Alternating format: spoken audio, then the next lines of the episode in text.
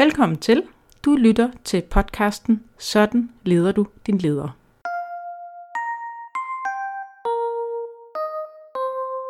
Velkommen til podcastserien Lederhjælpen. Lyt dig til bedre ledelse. Mit navn er Gita Maja Laguarte, og overfor mig der står Ane Jersborg. Tilsammen så udgør vi The Leading Culture. Vi arbejder med at udvikle ledere, både individuelle ledere og ledelse og kultur på tværs af organisationer.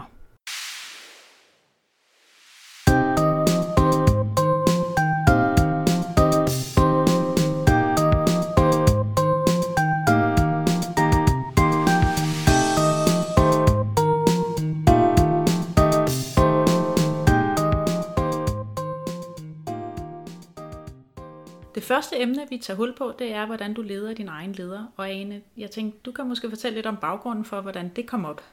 Ja, det gjorde det egentlig, fordi vi øh, sammen har etableret det, som hedder The Leading Culture, hvor vi arbejder med ledelse. Og i den forbindelse, så har vi lavet et øh, Facebook-community, en lukket privat gruppe, hvor vi har inviteret ledere ind til at diskutere ledelse. Og vi spurgte dem om, hvis vi skulle lave en podcast, hvad for et emne kunne de så godt tænke sig, at vi tog op. Og der var topscoren, den var helt klart den her med, hvordan leder jeg min leder.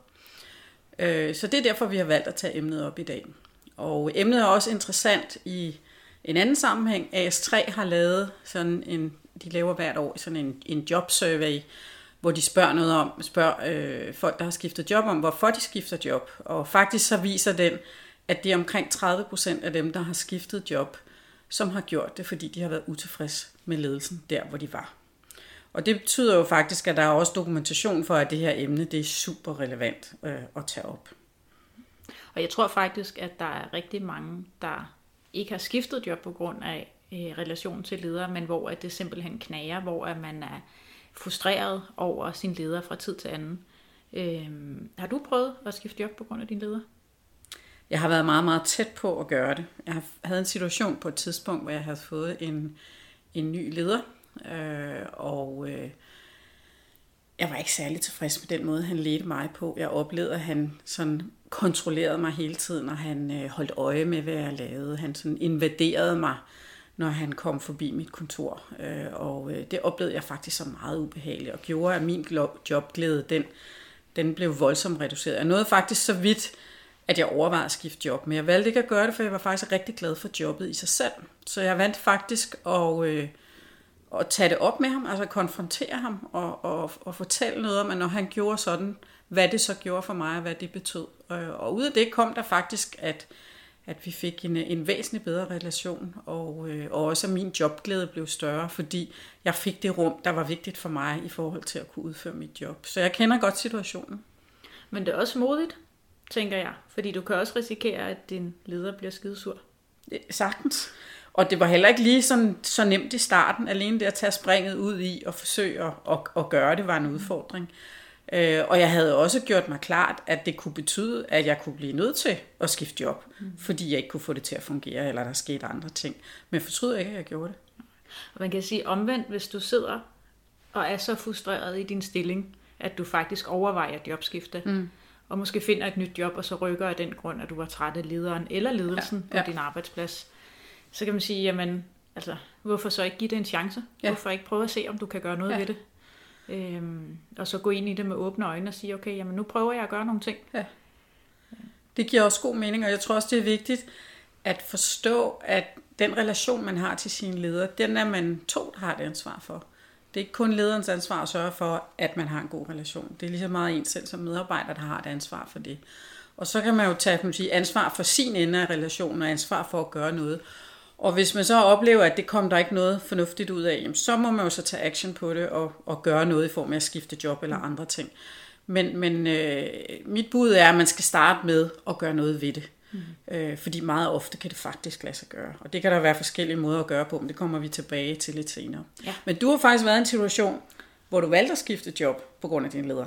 Ja, jeg, jeg har været i flere situationer. Jeg har både valgt, øh, været, hvor jeg valgte at skifte job på grund af en leder. Jeg har også været i situationer, hvor jeg har konfronteret en leder, og hvor jeg har prøvet at lede min leder og ligesom tage ejerskab for mm. relationen.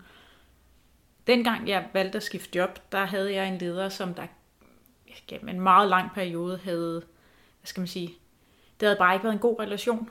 Og, øhm, og jeg synes, at, at det var ikke kun i relation til mig, det var faktisk også i relation til hele arbejdspladsen. Der var nogle grundlæggende ting, der ligesom foregik, jeg ikke. Jeg følte ikke, jeg kunne stå inden for det. Og så begyndte jeg også sådan lidt at tage problemerne med hjem, og det begyndte bare at fylde mere og mere. Ja. Og, øhm, og så valgte jeg egentlig at sige, okay, jamen, jeg, jeg skal bare ikke være her. Det er ikke her, jeg skal investere min energi. Man bruger så mange timer på arbejdet, at, at man skal være glad, når man gør det. Og jeg tænker faktisk tit tilbage på det, og tænker, at, øh, at det var det rigtige valg. Jeg tror aldrig, at det ville være blevet rigtig godt med den leder. Og, og det kan måske også handle om, at det var et dårligt match. Altså det er jo sjældent, at folk går på arbejde og siger, i dag vil jeg være en dårlig leder. Øh, men det var måske et dårligt match mm. mellem den leder og mig. Ja. Øhm, jeg er i hvert fald rigtig glad for, at jeg gjorde det, fordi at, at jeg efterfølgende kom hen et sted, hvor jeg fik en leder, jeg var rigtig glad for. Øh, så det kan jo også være løsning nogle gange, at man simpelthen som medarbejder vælger at sige, nu skifter jeg ja. en leder ud. Ja. Nu, nu arbejder jeg ikke for den her leder. Jeg vil arbejde for en, som der, som der vil mig det rigtige, og som, som jeg har en god kemi med. Ja. Jeg plejer sådan altid lidt klichéagtigt at sige, at man skal vælge sin leder med omhu. Men du sagde faktisk noget, som var lidt interessant, Gisa. Du sagde det her med, at det var egentlig ikke bare din leder, det var faktisk også kulturen på den arbejdsplads, du var på. Og det er jo også en overvejelse værd, når man kigger på sin relation til leder, og ligesom sige, er det kun et, en problemstilling, som handler om mig og min relation til lederen, mm. eller er det i virkeligheden noget, som handler om lederens relation til alle medarbejderne i min afdeling, eller er det en del af en kultur i den virksomhed, jeg er? Fordi det siger jo også noget om, hvordan man så kan arbejde med det.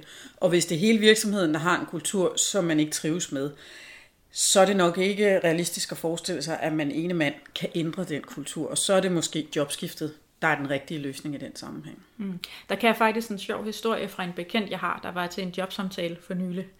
Og, øh, og øh, han var lidt bekymret for, fortalte han mig, at han var ret sikker på, at de arbejdede rigtig mange timer i den virksomhed, så ja. jobbet var egentlig spændende, men han vidste ikke rigtigt, om, om han sådan var indstillet, i hvert fald der, hvor han var i, i sit liv nu, på at arbejde så mange timer. Ja. Og det tog han faktisk op til jobsamtalen og sagde, ja. jeg, jeg er ikke et sted, hvor jeg kan arbejde øh, 70 timer om ugen. Ja. Og, øh, og der fortalte han, der sagde den rekrutterende øh, chef så, at det er heller ikke nødvendigt, det er fint, hvis du arbejder 60. Ja. Ja, det, er jo, det var måske ikke lige det, der var tanken, men, og, det er jo, men det er jo godt at få frem til en jobsamtale, ikke? Jo, jo, det er det, og det er jo netop udtryk for en kultur, og ja. øh, han tog ikke jobbet, øh, og ud fra den betragtning, at han troede ikke på, at han kunne ændre den kultur, Nej. der var på den arbejdsplads, og, og det tror jeg egentlig, han er ret i. Hvis du har en stærk kultur på en arbejdsplads, så kan du ikke ændre den ene mand. Øh, du kan prøve at ændre den, og du kan prøve at være tydelig om dine egne grænser. Ja. Uanset om det er din leder eller kulturen. Men kultur er svær at ja. ændre ja. ene mand. Ja. Jo, og, og, og, og det der eksempel, som du bruger netop til jobsamtalen, hvis man er ude og kigge efter nyt job, tænk lidt over, hvad er det faktisk for nogle spørgsmål, der er vigtige at få svar på. Og der tror jeg ofte, man kan være i en situation, når man er ansøger, at man er lidt tilbageholdende, og man vil gerne gøre et godt indtryk, man vil gerne sælge sig selv. Men det er faktisk lige så vigtigt den anden vej rundt at få tjekket af, at de der ting, som er vigtige for en i ens job, at de faktisk er okay. Mm. Fordi ellers så kommer man ikke til at fungere i det job, mm. ikke engang selvom man får det. Ja. Øh, så, så tænk også det, altså tænk også på det øh, i jobsamtalen, hvor man skal vælge sin leder i virkeligheden. Ja. Men når nu man har en leder, og man sidder med en leder, hvor man godt kunne tænke sig at øh, lede dem lidt mere på rette spor, man kunne godt tænke sig en bedre relation med sin leder, eller man kunne måske godt tænke sig, at øh, de interesserede sig lidt mere for, hvad man lavede, eller mm. at de interesserer sig lidt mere for, for øh, hvad skal man sige, at de involverer dig i de mm. rigtige beslutninger. Mm. Øh, hvad gør man så? Jamen, der er mange forskellige ting, man kan gøre, men jeg tror, det starter med at finde ud af, hvad er det, der man godt kunne tænke sig var anderledes. Altså, hvad er det i relationen, man synes fungerer godt, og hvad er det i relationen, som, som støjer eller virkelig øh, blokerer for ens arbejdsglæde og ens trivsel. Altså, man bliver lidt klogere på det, fordi tit så fortaber det sig sådan lidt i tågerne, det bliver rodet lidt sammen. Øh, det er svært måske at, at, at se klart selv, øh, om, om hvad er det virkeligheden, der er problemet. Og også det der med at mærke efter, er det vigtigt? Altså, hvor vigtigt er det her problem? Er det noget, hvor jeg ligesom kan sige, okay, det vælger jeg at leve med, eller er det noget, som virkelig blokerer? Så det der med at starte med at finde ud af, hvad er det, øh, hvad er det der, der støjer i den relation, jeg har. Og der, man kan jo selvfølgelig være mange steder på spektret. Man kan både være i den situation, hvor man har en leder, som man er, er rigtig glad for, og hvor man bare gerne vil gøre det bedre. Men man kan også være i den situation, i den helt modsatte ende, hvor man har en, en, en leder, som hvor det slet ikke fungerer. Det tænker jeg, at du kan sige lidt om, Gita. ja, altså jeg synes nu, jeg har haft rigtig mange knalddygtige ledere. Ja. Det vil jeg godt starte ja. med at sige. De fleste ledere, jeg har haft, har været super dygtige. Øh, og jeg synes også, at at, at det er vigtigt, at man skal se sine ledere som, man skal huske de mennesker. Ja. De har gode og dårlige dage, og de er også, øh, mange ledere i dag er udsat for stort arbejdspres, og det er tit også der, filmen knækker lidt for ja. nogen. Ikke? Det er nemt nok at være sød og flink, øh, hvis du kun har et møde om dagen, men mm. hvis du har 10 møder om dagen, mm. og samtidig 25 store problemer, som du lige pludselig skal forholde dig til, ja. så kan det være svært helt at have båndbredde til også at gå rundt og spørge, om folk har det godt, for eksempel. Ja. Ikke? Øh, men, men noget af det, som, som jeg både kender fra mig selv, men som jeg også kender fra, fra både kolleger, mentees og ledere, vi har talt med gennem tiden, også mm. i The Leading Culture, mm. øh, det har jo, hvad skal man sige, det centrale har været, at rigtig mange har udfordringer med deres relation til deres ledere. Ja. Øh, rigtig mange har nogle ting, der ligesom, der er bare nogle steder, skoen trykker. Mm. Øh, og, og man kan jo ikke skifte sin leder, medmindre man skifter job. Ja. Derfor så bliver man lidt nødt til at arbejde med det, man har. Øh, når det så er sagt, så synes jeg også, at det er ret forskelligt, hvor skoen trykker henne ja. hos de forskellige ja. mennesker. Øh, jeg talte med en leder, som, som var træt af hendes chef, var overempatisk, altså mm. interesserede sig for meget for hendes arbejde, ja. stod i døråbningen hele tiden og ja. forstyrrede hende ja. og troede, hun havde tid til at tale. Ja. Og i øvrigt, øh, så, så sagde den pågældende leder også nogle ting, som nu skal du huske at gå klokken 4, og, og, og, det, og det var irriterende ja. i den situation, fordi at, at sådan nogle ting skulle lederen måske ikke blande sig i. Altså, mm. Eller det i hvert fald, det, det, det blev for sådan, hvad skal man sige... Det gik for tæt på, det gik på en for tæt. Måde. Ja. ja, lige præcis. Øh, og, og i andre situationer, så har man måske nogle ledere, der mangler empati. Altså det, det har, har jeg jo stødt på nogen, der har, har givet udtryk for det her med, at, at deres ledere simpelthen ikke interesserer sig for dem mm. som personer. De ser dem bare som sådan et, en arbejdskraft i virkeligheden. Ikke? Ja. Og det er måske, altså, hvad skal man sige, der er to ender af skalaen, og og, og, og det er ret sjældent, at ekstremerne er gode. Mm. Man kan også have den, øh, og det har der været masser af debat om øh, i medierne mm. øh, øh, på det seneste, men med faglighed. Mm. Hvor fagligt tung skal en leder være? Ja. Øhm, og der er nogen, der mener, at øh, der var, var det i Berlingske, der var nogle, nogle artikler omkring det, men at, at lederen skal være den fagligt bedste. Mm. Øh, og Martin Thorborg, som var ude og reagere Jeg så det, det. på LinkedIn, ja. ja. Øh, hvor, hvor han ligesom siger, at det passer ikke. Altså, og, og det kan man jo øh, det kan man jo godt tænke lidt over, hvor dygtig skal en leder være, og hvor tæt skal de gå på fagligheden. Jeg mener ikke, at en leder skal være den bedste fagligt, øh, men, men jeg mener, at en leder skal have en ret høj indsigt i fagområdet. Mm. Mm. Øh, man skal forstå det område, man er leder for. Ja. ja. Øh, og jeg tænker også, at hvis man sådan kigger på, på nogle af de skandaler, der har været gennem, øh, hvad skal man sige, gennem historien, virksomhedsskandaler, øh, udbyttesagen og alle de ting, vi har set, jamen, der har manglet lederskab, der har stået, forstået fagligheden mm. i arbejdet, ja. og derfor så ser man nogle gange de store skandaler. Omvendt, hvis du har en meget faglig tung leder, øh, så, så oplever vi, altså i de, de ledere, vi har talt med, at, at øh, at det bliver, kan godt opfattes som en begrænsning. Altså ja. at man ikke øh, man får ikke friheden til at, at øh, agere på sit fagområde, hvis man har en leder, der hele tiden stikker næsen helt ned ja. i detaljerne på ja. det, man laver. Og der tror jeg også, at det er vigtigt at forstå, hvordan man selv er indrettet. Altså nogen synes jo, det er mega fedt, hvis chefen han blander sig eller interesserer sig for helt ned i detaljen på det, man sidder med, og man har meget tæt og meget hyppig dialog med sine ledere. Og andre har det lige omvendt de har det sådan, jeg vil egentlig helst bare have opgaven, og måske lige nogle rammer på den, og så skal jeg nok selv klare, klare resten. Så der handler det jo også om selv at være skarp på, hvad er mine præferencer, hvad er det, der skal til, for at jeg har en god relation. Men jo så også huske at få det sagt til sin leder. Altså, de, lederne er jo ikke tankelæser. Og det vil sige, at lederen kan jo gå rundt med en forestilling om, at du synes, det er mega fedt, når vi hele tiden skal tale om dine opgaver, men sidder du i virkeligheden og synes, kunne jeg ikke bare blive væk, så jeg kunne få lov til at passe mit arbejde, mm. så er der jo noget i kommunikationen, der, der er glippet der mm. et eller andet sted.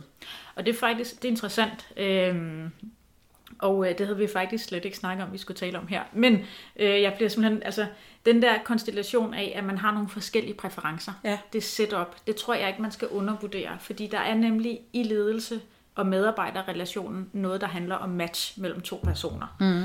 Øh, fordi man arbejder tæt sammen, og man har nogle præferencer ja. og nogle måder, man arbejder på.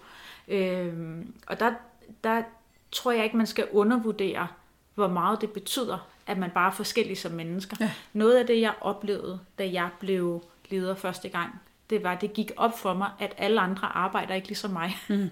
og det bliver man lige pludselig tvunget til at forholde sig til, når man bliver leder. Og øh, afhængig af, hvordan man så er, så kan man jo vælge at tænke, andre skal arbejde ligesom mig, eller jeg prøver at indrette mig og arbejde med andre mennesker. Mm. Øh, og der kommer vi lidt tilbage til, at, at medarbejder-leder-relationen, den er der to om. Mm. Så hvis du står med en leder, der ikke rigtig tuner sig ind på, hvordan du ja. arbejder, ja. så kan du faktisk gøre nogle ting for selv at prøve at arbejde med den relation. Ja, og det synes jeg jo faktisk er en af de rigtig vigtige pointer, som, som vi gerne vil have med den her med at tage ansvar for relationen. Mm.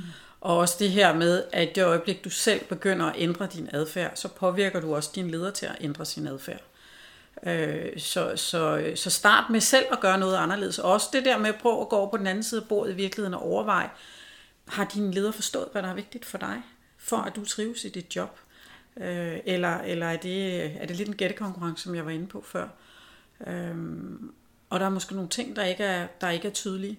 Det kan også være den her med, det har vi også talt om før, med præfer, altså hvad er vigtigt for din leder? Ved du, hvad der er vigtigt for din leder? Ved du, hvad din leders succeskriterier er? Det kan jo godt være, at du synes, at det er mærkeligt, at han eller hun ikke tager sig af den her opgave, som du synes er vigtig. Men det kan der jo være en god forklaring på, fordi din leders prioritering er en anden. Mm. Så er din leder, som måske bare ikke været god nok til at kommunikere til dig, at prioriteringen er en anden. Men det kan du også selv gøre noget ved i forhold til at spørge ind på øh, og forstå, hvad det er, der er vigtigt, i stedet for at gætte på det. Ja, og der tænker der kan du få rigtig meget ud af din leder ved at spørge ind. Øh, mm. Der vil være nogle ting, som din leder ikke kan sige. Mm. Altså der vil være nogle ting, hvor lad os, lad os sige, at din leder sidder i en, i en, øh, en sag, hvor man er ved at give en skriftlig advarsel eller afskede en medarbejder. Jamen, i sagens natur, det kan han ikke. Øh, eller det, fusion, eller opkøb, eller vigtig kunde ting, eller ja. noget. Ikke? Men, ja. men størstedelen af det, din leder sidder med, vil han fint kunne dele med dig. Øh, men han gør det måske ikke øh, medmindre, han bliver, medmindre han får nogle konkrete spørgsmål, eller bliver spurgt ind til, øh, øh, hvordan gik jeres kvartalsafslutning, hvordan var bestyrelsesmødet mm. i sidste uge, mm. øh, den type spørgsmål. Ja. Så, så der tænker jeg, at der er det vigtigt at prøve, ligesom at, prøve at gå lidt rundt om chefen og gå, gå til ham eller ja. hende øh, fra nogle forskellige vinkler, ja. for ligesom at, at interessere sig for deres verden, og på den måde opbygge en mere gensidig relation. Ja. Og det er jo også her det her med, at led din leder kommer ind. Altså det kan jo lyde sådan lidt absurd, at, at du som medarbejder skal lede din leder. Men faktisk så kan du hjælpe din leder til at blive en bedre leder. Altså mange ledere går den der fejl, at de tænker, jeg har jo fortalt én gang, hvad det er, der er vigtigt, eller hvorfor nogle resultater, vi skal løbe efter. Og så tager de for givet, fordi de har fortalt det en gang, så er alle helt med på det, og ved, hvad det betyder. Det er langt fra tilfældet. Så ved at, at sige, som medarbejder at gå til, til chefen og sige, hvad er det, der er vigtigt her? Hvordan skal jeg se min opgave ind i en større sammenhæng? Hvordan påvirker det, jeg skal lave, det samlede øh, mål for afdelingen for eksempel? Hvad er det, jeg skal gøre anderledes, før vi kan nå de mål? Så ved at stille nogle gode spørgsmål til din chef, så hjælper du faktisk ham eller hende til at blive en bedre chef. Det vi skal tale om nu her, Ane, mm. det er øh, fire strategier. Ja. Øh, og øh, dem har vi også med i en e-bog, som, ja. øh, som man kan finde og hente på vores hjemmeside. Ja. Øhm, øh, under The Leading Cultures podcast 1. Ja. Øh, men vi skal tale om fire strategier i forhold til, øh, hvordan du kan lede din leder. Og den første strategi, det handler om, om du skal blive jobbet, eller om du skal finde et andet job. Øh, og hvorfor er det vigtigt? Det er jo der, man står, og det er jo det, der er ens udgangspunkt. Øh, og øh, man kan jo være i en situation, hvor man mistrives så meget i sit lederjob, at det er decideret sundhedsskadeligt. Altså det kan være, at man er ekstremt stresspåvirket. Det kan også være, at man har en af de her få ledere, som desværre findes, som ikke besidder den store empati, og dermed faktisk er rigtig dårlig for en. Og hvis det er tilfældet, så har man brug for hjælp. Øh, så er det ikke noget, man bare lige kan kaste sig ud i. Øh, og den anden element i det, det er også altså at kigge på det job, man har. Er det det job, man gerne vil have, eller er det et andet job, man i virkeligheden godt kunne tænke sig Og hvis det er jobbet, man gerne vil have, så skal man jo selvfølgelig tage udgangspunkt i det. Men hvis man i virkeligheden sidder i et job, som heller ikke er det, man gerne vil have, så er det jo der overvejelsen om at søge noget andet kommer ind. Mm. Er der mere i forhold til den strategi, tænker du? Mm. Nej, jeg tænker, det rammer meget godt, ikke? Altså, og, og, og vi har den jo med for ligesom at sige, jamen hov, inden du begynder at kaste al din gode og stærke og positive ja. energi over din leder, så prøv lige at overveje, om du er det rigtige sted. Fordi hvis ikke du sidder det rigtige sted, så skal du hellere gemme din energi, og så finde en god leder, som der ved dig det godt, og, øh, og som du har lyst til at arbejde for, eller et job, som der er et bedre match til dig, hvis mm. du sidder det forkerte ja. sted i dag. Fordi det er der jo helt sikkert øh, nogen, der sidder i en kombination af at have udfordringer med sin leder, men måske også er fanget lidt i det forkerte ja. job, eller som vi snakkede om, hos den forkerte virksomhed i en forkert kultur. Ja. Øhm. Og det er der faktisk i e-bogen, der er en øvelse, som kan hjælpe dig med at, at blive helt skarp på, om, om det er det ene eller det andet, øh, du skal gå efter i den her sammenhæng. Hvad er det, den næste strategi hedder? Den næste strategi, den hedder gå i skjul. Gå i skjul? Ja, ja. og det er, øh, det er sådan sagt lidt med et smil på læben, fordi selvfølgelig skal du ikke gemme dig på kontoret, men, øh, men det du skal Jeg kan lige se det for mig. Jeg sidder dernede under skrivebordet, når chefen kommer ind ad døren. Man har lyst til det nogle ja. gange. Øh, det du skal spørge dig selv om, øh, hvis du skal bruge strategi nummer to, gå i skjul, det er, om du er for tæt på din chef, om I sidder lån af hinanden, eller om du måske som medarbejder er for afhængig af din chef til at løse dit arbejde. Øhm, hvis det er sådan så, at du bruger for meget tid med din chef, eller I for meget inden over hinandens opgaver, så kan det simpelthen, det kan, det kan være årsagen til friktion, og det kan lette hele jeres forhold, at, at begynde at, at, at arbejde lidt mere selvstændigt. Øhm, og der kan være to årsager til, at I for meget lapper for meget ind over hinandens område. Det ene kan være, at din chef blander sig for meget i det, du laver. Det er, det er den ene, en, en mulighed. Og den anden mulighed, det er, at du selv involverer din chef for meget i dit arbejde. Og, øh, og, og det kan du sikkert have mange gode grunde til. Det kunne for eksempel være, at, at du meget gerne vil have godkendelse på det, du laver. Du vil vide, at du har rygdækning, at du er usikker på, om du gør det rigtige. Øh, men, men hvis du er i en situation, hvor at I, I er konstant ind over hinandens arbejde øh, og koordinerer, hvilke e-mails I sender, eller hvordan I gør ting, jamen så kan det være, at du skal prøve at sige, spørg dig selv, hvorfor involverer du din chef? Mm. Øh, og, og kan du måske finde den, den, hvad skal man sige, den feedback og støtte, du får fra din chef, kan du få den fra en anden i organisationen. Mm. Hvis du er i en stor virksomhed, så kan du måske få en, en mentor. Det kunne være en, en anden chef i organisationen, som der kunne give dig den type sparring, sådan så du begynder... Eller måske bare en kollega. Eller en kollega, ja. ja en kollega kunne også være fint. Altså ja. det er vigtigt ikke at køre sololøb, øh, det er vigtigt at have noget sparring, og de fleste mennesker har brug for noget feedback, og nogen at spille bold med omkring ja. deres idéer. Men det behøver måske ikke altid at være chefen. Nej. Så det er ligesom at sige, okay, nu prøver jeg at, at dreje skibet en lille smule og sejle lidt væk fra chefen, ja. øh, og prøve at være lidt mere selvstændig og lidt mere uafhængig, det kan måske gøre, at, øh, at du slipper lidt for ham eller hende. Ja. øhm, øh, og det kan også gøre, at du, du ligesom får, får, øhm, øh, får et stærkere ståsted, hvor du ikke er så afhængig af den her chef. Altså det tænker jeg jo, når du fortæller det der, at, og som jeg er meget enig i, at det der med at, at sige, ikke klippe navlestrangen, men alligevel sige, gøre sig mindre uafhængig, mindre afhængig af chefen. Mm. Det gør jo også, at man, man bliver større, altså du bliver stærkere, du får nogle flere kompetencer, du bliver mere selvstændig, mm. øh, du får større indflydelse på dit arbejde. Så der er jo faktisk nogle flere gevinster ved det i virkeligheden. Ikke? Mm. Den tredje strategi, hvad er det, den hedder? Det er, at øh, det handler om, at du skal konfrontere mm. din chef noget mere. Ja.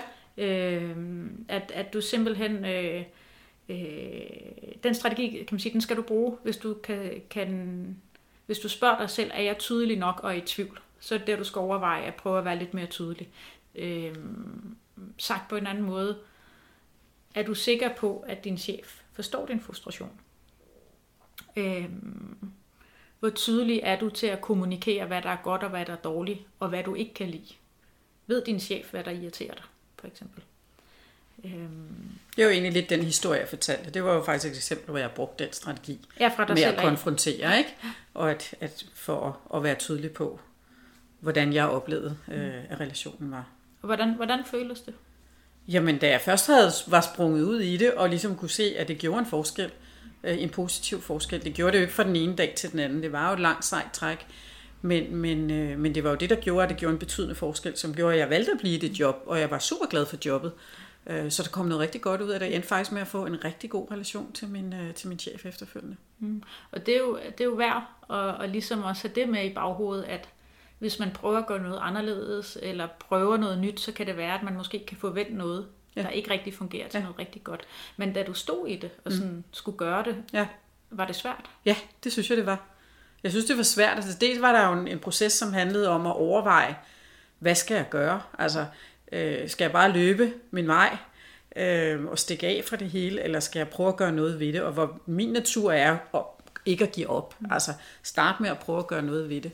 Øh, men, men det krævede også lidt tilløb at, at få taget det der, og ligesom finde ud af, hvordan konfronterer jeg det på en konstruktiv måde, mm. så der kan komme noget fornuftigt ud af det. Men samtidig var jeg også nødt til at være sådan rimelig kontant på det, fordi han forstod det ikke til at begynde med. Altså forstod slet ikke, hvad det var, jeg sagde.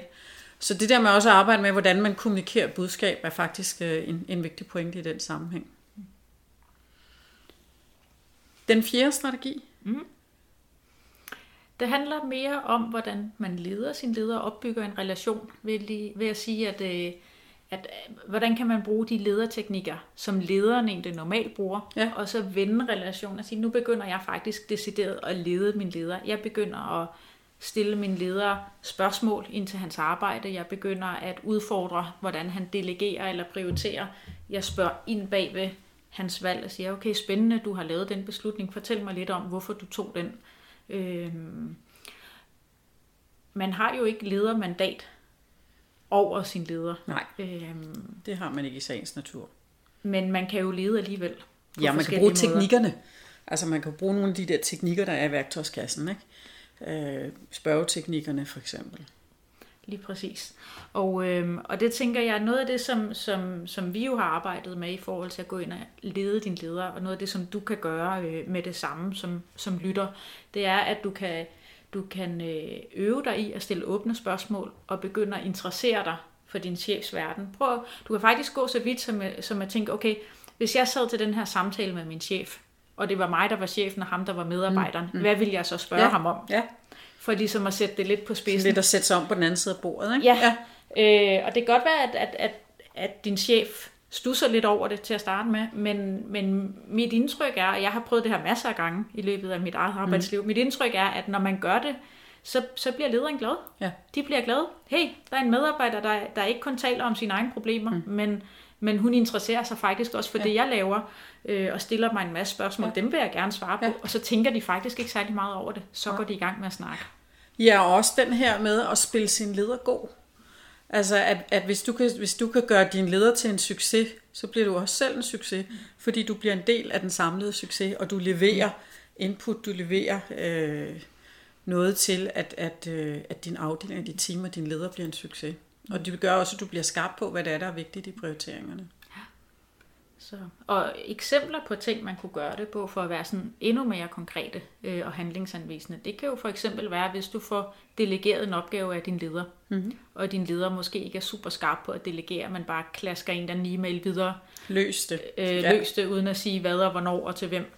Jamen, så er det der, at man sådan ligesom griber, griber bolden, og så tager fat, fat i lederen og siger, tak, Prøv at fortælle lidt mere om opgaven. Hvad er mm. det for en mm. opgave? Hvor kommer den fra? Ja. Hvad er dine forventninger til den? Ja. Hvilken deadline har vi? Hvordan kan vi kommunikere den godt? Så man virkelig, hvad skal man sige, trykker lidt tilbage i forventningerne ja. til lederen. Og der er faktisk en, en anden sjov historie fra, øhm, når jeg sådan kigger tilbage på dem, jeg har været leder for, så min erfaring har været, at, øh, at ældre medarbejdere, Øh, og, det, og det betyder ikke, at det altid er sådan. Øh, men ældre medarbejdere er meget bedre til at give det pushback ja. og udfordre, mens at yngre medarbejdere, øh, der lige er skudt ud fra universitetet eller er i 30'erne, de, de er meget mere ydmyge i forhold til at tage øh, arbejdsopgaver, mm. og, og får ikke rigtig skubbet tilbage på samme måde. Og der kan jeg kun sige, at at som leder, så får man enormt stor respekt for de medarbejdere, ja. der giver det pushback, og ligesom aktivt går ind og siger, okay, jamen jeg tager ansvar ja. for det her, men jeg har også nogle forventninger ja. til, hvordan vi arbejder. Jo, og det gør jo så også, at det bliver nemmere for dig at løse opgaven, fordi du ved mere præcist, hvad det er for nogle rammer, deadlines, succeskriterier så ved du har for at løse opgaven. Mm. Så det er jo hjælp til selvhjælp, når man gør lige præcis det. Lige præcis, ja. ja. Men øh, vi skal faktisk til at øh, runde af. Vi har været rundt om en masse forskellige ting, Øh, vi har talt lidt om, at, øh, at rigtig mange sidder i en konstellation, hvor man har nogle udfordringer med sin leder. Så hvis du sidder i sådan en situation, så er du absolut ikke alene. Der er der faktisk rigtig, rigtig mange andre medarbejdere, der gør. Øh, og så har vi snakket lidt om, hvad man kan gøre, hvad for nogle strategier man kan bruge. Man kan vælge at sige, okay, jeg skal simpelthen have et nyt arbejde. Øh, man kan også vælge at gå i skjul, som vi kaldte det, at sige, okay, jamen, jeg distancerer mig lidt fra min chef, og så finder jeg støtten andre steder. Øh, så kan man vælge at konfrontere sin chef og være tydelig i, hvordan man arbejder, og hvordan man godt kan lide tingene, og hvad der frustrerer en. Øh, så man arbejder med at give sin leder mere tydelig feedback. Øh, og så har vi snakket om, hvordan man kan bytte rollerne lidt rundt og faktisk prøve at tage lederrollen øh, sådan lidt usagt over for mm. sin chef og, øh, og begynde at lede sin chef øh, og på den måde spore sin chef ind på at, øh, at øh, yde øh, og levere lidt bedre indsatser, end han eller hun måske har gjort tidligere. Ja. Så øh, det er vigtigt. Lad være med at give op. Gør en indsats, for du kan påvirke det. Og hvis du gerne vil have lidt hjælp til, hvordan du kan gøre det, så hent vores e-bog. Der er nogle rigtig gode øvelser, som, øh, som kan hjælpe dig til at komme i mål med lige præcis det, du har brug for i forhold til at lede din leder. Den koster ikke en krone. Nej, det gør den ikke. Og den kan hentes på linket www.theleadingculture. eller skråstreg podcast 1. Ja, theleadingculture.dk skråstreg podcast 1. Tak, Gita. tak fordi du lyttede med, og på genhør.